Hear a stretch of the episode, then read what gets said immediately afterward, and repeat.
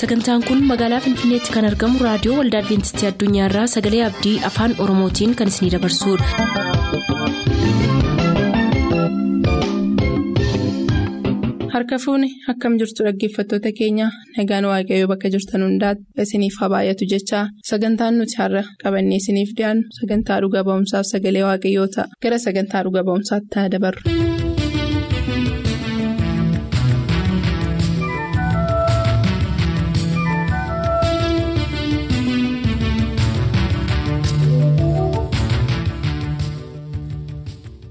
Kan jaallatamtan dhaggeeffatoota sagalee abdii akkam turtan. Kun sagantaa dhuga ba'iisaa jalatti kan isiniif qabannee dhiyaachaa turre. Waliin dubbii obboleessa keenya mikaa'el moosisaa kutaa torbaffaa fi isa dhumaa isaati. Nu faana turaa isiniin jenna.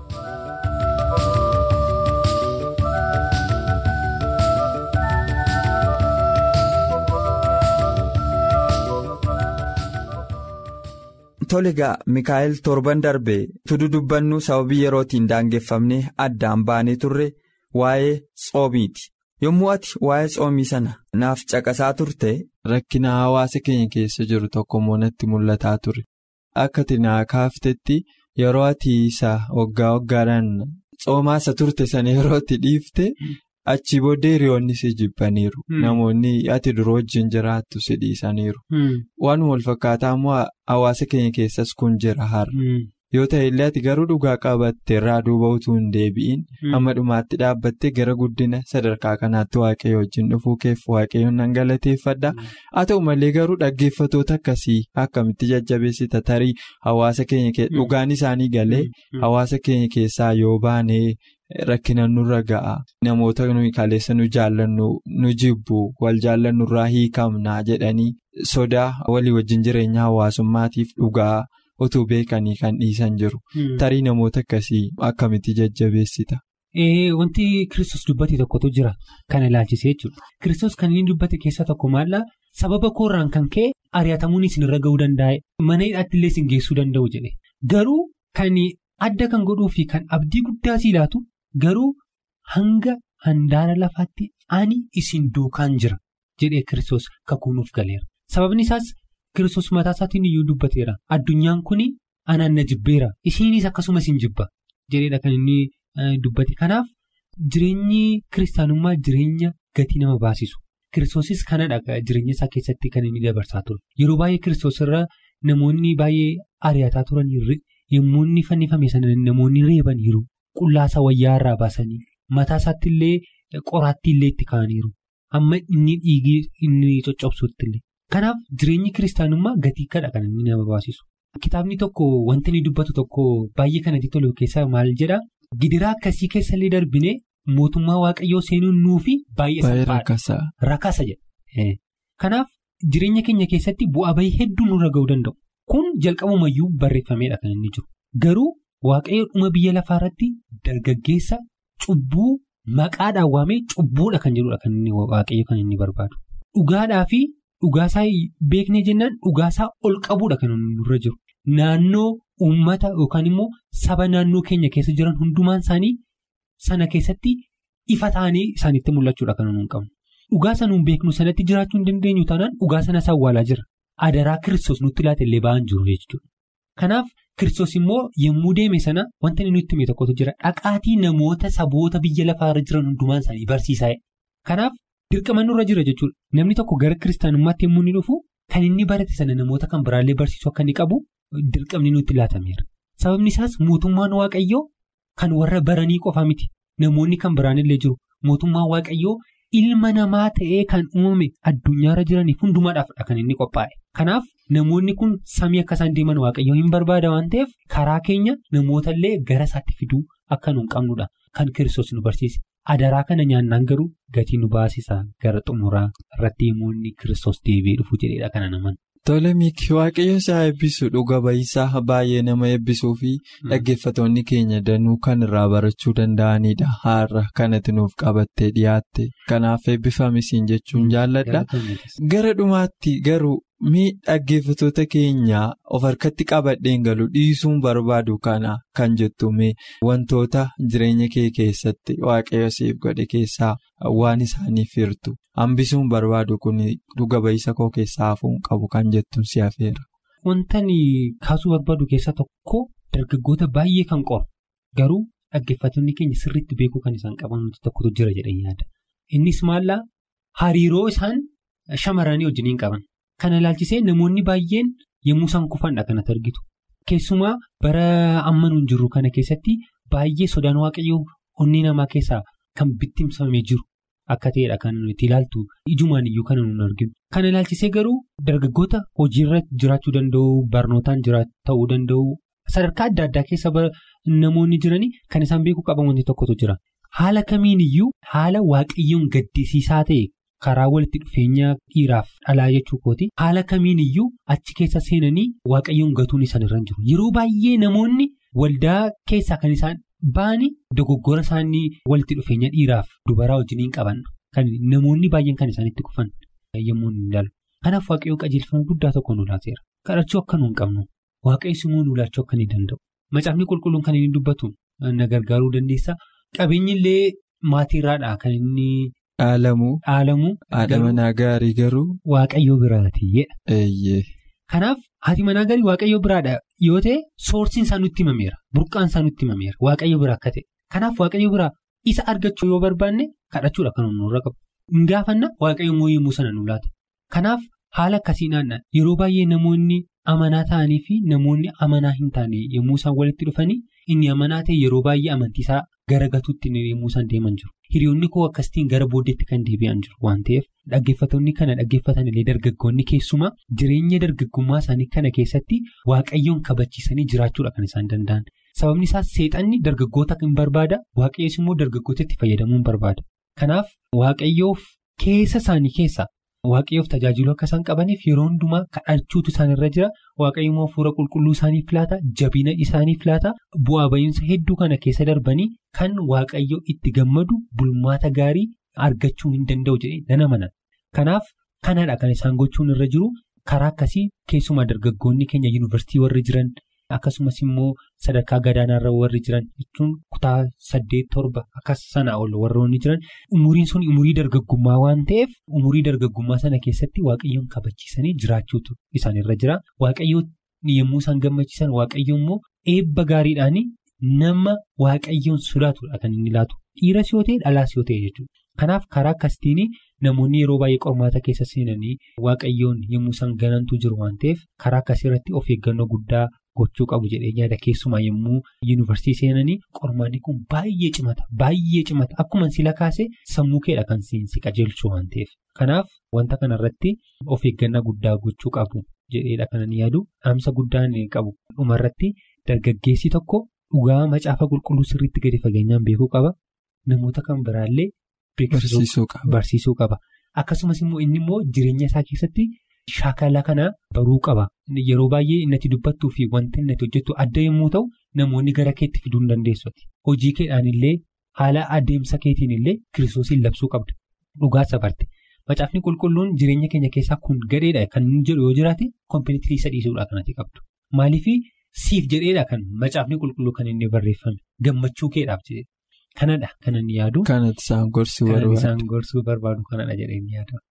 Tole miiki waaqayyo isaa eebbisu dhuga ba'iinsa gaarii nuuf qabattee dhufteef hodhachaa eebbifamii jechuun jaalladha. Akka dhaggeeffatoota keenyaa ta'e. Egaa gara fuulduraattis deebitee dhufte wanta waaqayyo siif godhe dhaggeeffatoota keenyaaf dhugaa bahuurraa duubatti hin jedhini karaa ittiin ergaa macaafa qulqulluu isaaniif yeroo dandeessu maraanis isaan bukkee dhaabbachuun. Sirraa akka eegamu asumaanis si yaadachiisa. Fayyaa ta'ii siin jechuun jaalladha. Egaa dhaggeeffatoota keenya sababii yeroof jecha har'a dhuga ba'iisa keenya kan obboleessa keenya Miikaa'el Moosisaa wajjin qabannee isiniif dhiyaanne asuma irratti kan xumuru.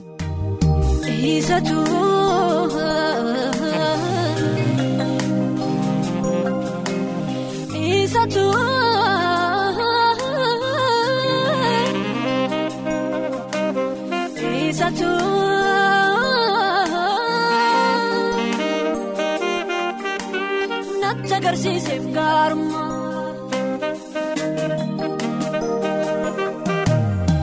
Isatu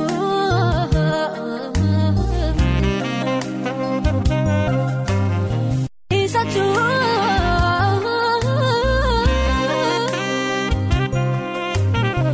Isatu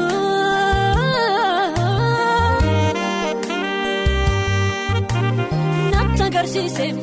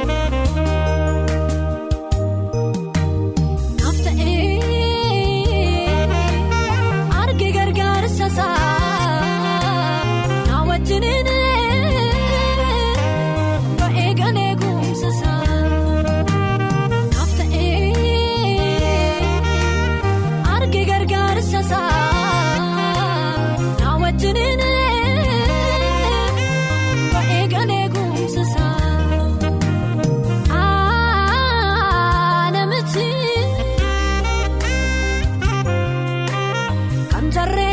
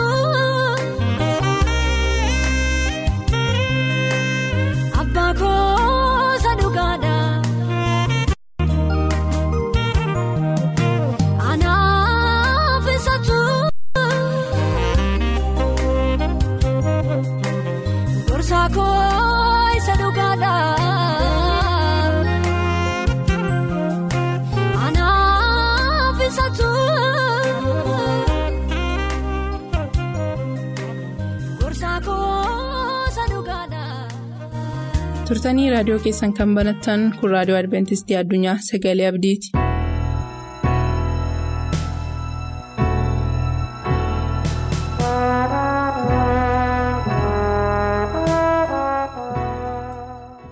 Harka fuuni kabajamtoota dhaggeeffatoota keenyaa lafa jirtan hundumaatti araarriif nagaan gooftaa yesus isin wajjin haa ta'u dhaggeeffatootaa dubbii har'a waaqayyoo nutti dubbachuutiif nuuf file yesus jiraannaan bidiricha galaanni hin nyaatu jedha yesus jiraannaan bidiricha galaanni hin nyaatu utuu gara dubbii kanaatti hin seenin waaqayyo akka nutti dubbatuuf haa kadhannu mootii moototaa waaqa israa'el abbaa keenyaa.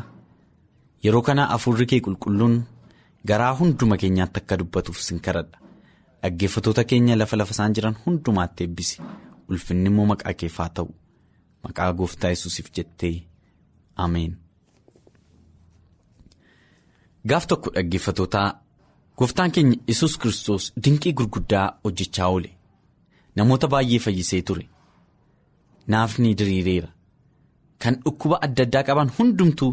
tokko illee utuu nafin dhukkuba isaanii irraa fayyanii turan gara gooftaa yesus dhufanii. Kan kana caalaa immoo namoota dinqisiisu akkasuma raawwatamee ture. Buddeen shaniif qurxummii lama. Namoota kuma shanii ol ta'an nyaachise gooftaan sana booddee namoonni achi jiran sun dinqii ta'e sanatti gammadanii namichi kana dhuguma isa waaqa biraanuuf ergame waan ta'eef moosifamuu qaba jedhanii moosisuuf yeroo yaalanitti. Gooftaa yesus bartoota isaatiin isin bidiruu kanatti galaatii ce'aa ani immoo gamattan isin eegaa jedhee ofii isaatii namoota sanaan deemaa jedhee tuleedhanii battalumatti na deemne namoonni gooftaa yesusitti gammaduu isaanii baay'ee isaaniin gammachiiseera.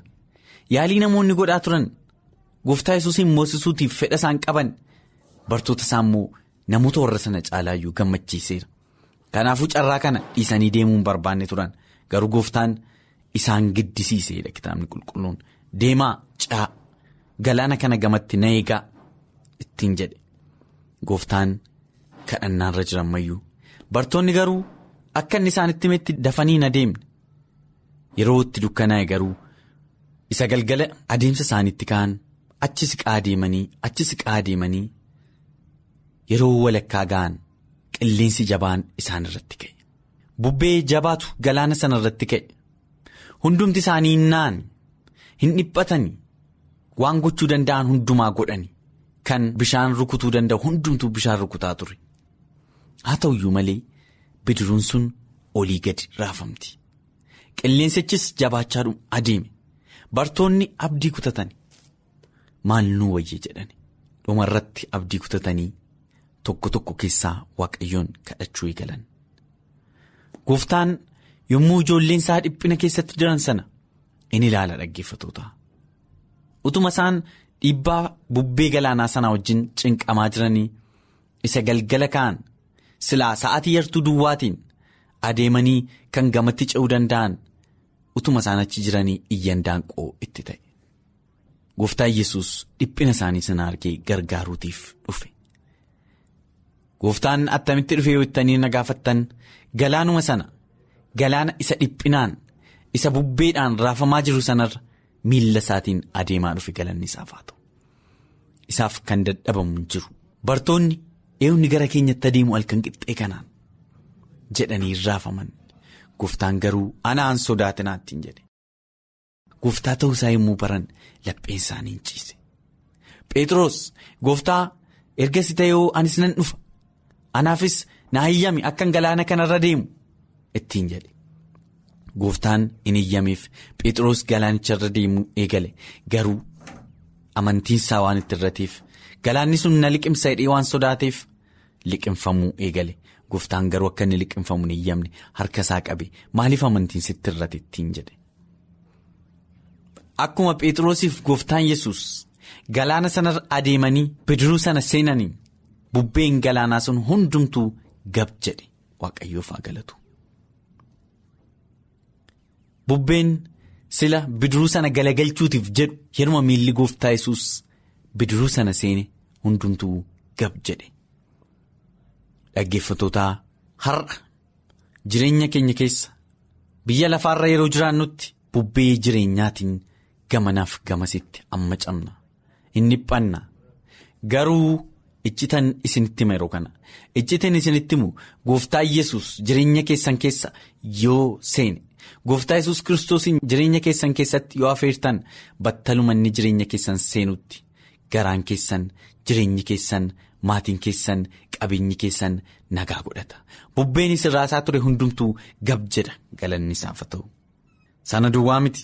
Yeroo tokko tokko namoonni amantii dhabuurraan kan ka'e utuma gooftaa yesus bidiruu isaanii keessa jiru irraafamu gaaf tokko namoonni baay'een gooftaa yesus wajjiniin utuu adeemaa jiranii bidiruurra gooftaan dadhabee ciisee yommuu jirutti galaana sana irratti bubbeen cimaan ammanan jedhamne ka'e. Hin naani bartoonni. Bubbeen sun kan inni ka'e akka tasaa ture waan godhan wallaalani. Yaalii godhan hundumaa erga godhanii ijibbaatanii booddee gooftaa yesus bidiruu isaanii keessa jiraachuu yaadatan. Yeruma sana dafanii dhaqanii yaa gooftaa attamittiin raftanuu baduuf jenna. Waa'een baduu keenyaas waan tokko isitti hin dhaga'amu jedhanii gaafa gooftaa yesuusiin dammaqsan. Isin yaa amantii ruunana. Maaliif sodaattu jedhee galaana sana irratti ol ba'ee harka isaa bal'isee gabaa jedhu jedhe oo nama gammachiisa. Sana booddee bubbeen sun hundumtuu gooftaa yesuusiif ajajamee gab jedhe ulfinniif galanni maqaa isaaf haa ta'u. Yoo maatewos boqonnaa saddeet lakkoofsa 23-27tti seenaa kana dubbifattan. Namoonni achi keessa turan bartoota malee namoonni kaanis waan turaniif hin dinqisiifatani baay'ee eenyu kun jedhani. Kan bubbeef galaannillee ajajamuuf. Eeyyee. Jireenya keenya keessatti wanta nama dhiphisu ishee xixinnoo dhiisaati. Gooftaa yesus kiristoos isa nuuf du'eef bubbeenis galaannis hundumtuu in ajajamuuf. Yoonni jireenya keenya keessa jira ta'e. Al tokko tokko yoo hin dadhabna ta'e amantii keenyatti hin laafna'u ta'e yesus jireenya keenya keessa jiraachuu isaa hin irraanfanna'u ta'e amantiidhaan gara gooftaa yesusitti caalaatti yeroo dhiyaannu bubbeen sila nuraasaa ture gab jedha maqaa isaatiin hundumtuu waan isaaf ajajamuuf. dhaggeeffatootaa kan jireenyi keessan bubbee adda addaatiin raafamaa jiru jireenya keessan keessa yesus hin galle yoo ta'e. Yesuusiin jireenya keessan keessatti simadhaa. Yesuusiin jireenya keessan keessatti afeeraa inni balbala keessan irra dhaabatee garaa balbala keessanii rurrukutaa jira. Kan naabanu hundumaaf nan gala. Isaa wajjin irbaata nan nyaadhaa isaaf nagaa nan kenna. Isaaf jireenya isaa nan eebbisadha namoonni maatiin jireenya isaanii keessatti maatii isaanii keessatti yesuusiin afeeran nagaan isaanii amma nan jedhamu. Carraa kanatti hundumti keenya akka dhimma baanuuf. Bidiruu keenya keessa yesus yeroo hundumaa akka jiraatuuf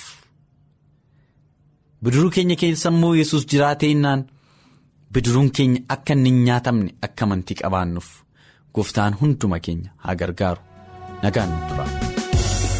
Kee gooftaa koo arraba koorratti aanatti minyaa'ee akkuma namaatti.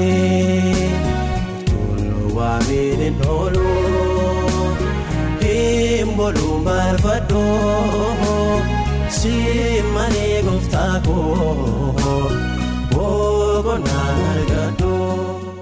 Nyaata akka gammaddan abdachaa har'aaf kan jenne xumurreerra. Bor sagantaa faarfannaa qabannee isiniif dhiyaanna. Beellama keessaan nu waliin godhadhaa jechaa nuuf bilbiluu kan barbaaddan lakkoofsa bilbila keenyaa duwwaa 11 551 1199 duwwaa 11 551 1199 nuuf barreessuu kan barbaadaniif ammoo lakkoofsa saanduqa poostaa dhibbaaf 45 finfinnee. Lakkoofsa saanduqa poostaa dhibbaaf 45 finfinnee. Qopheessitoonni sagalee abdii waliin ta'uun nagaatti isiniin jenna.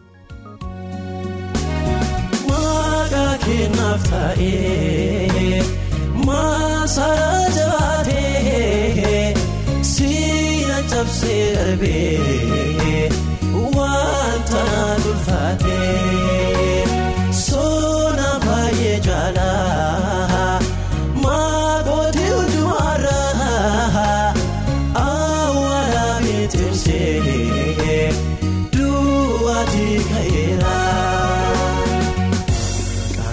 Gooftaa koo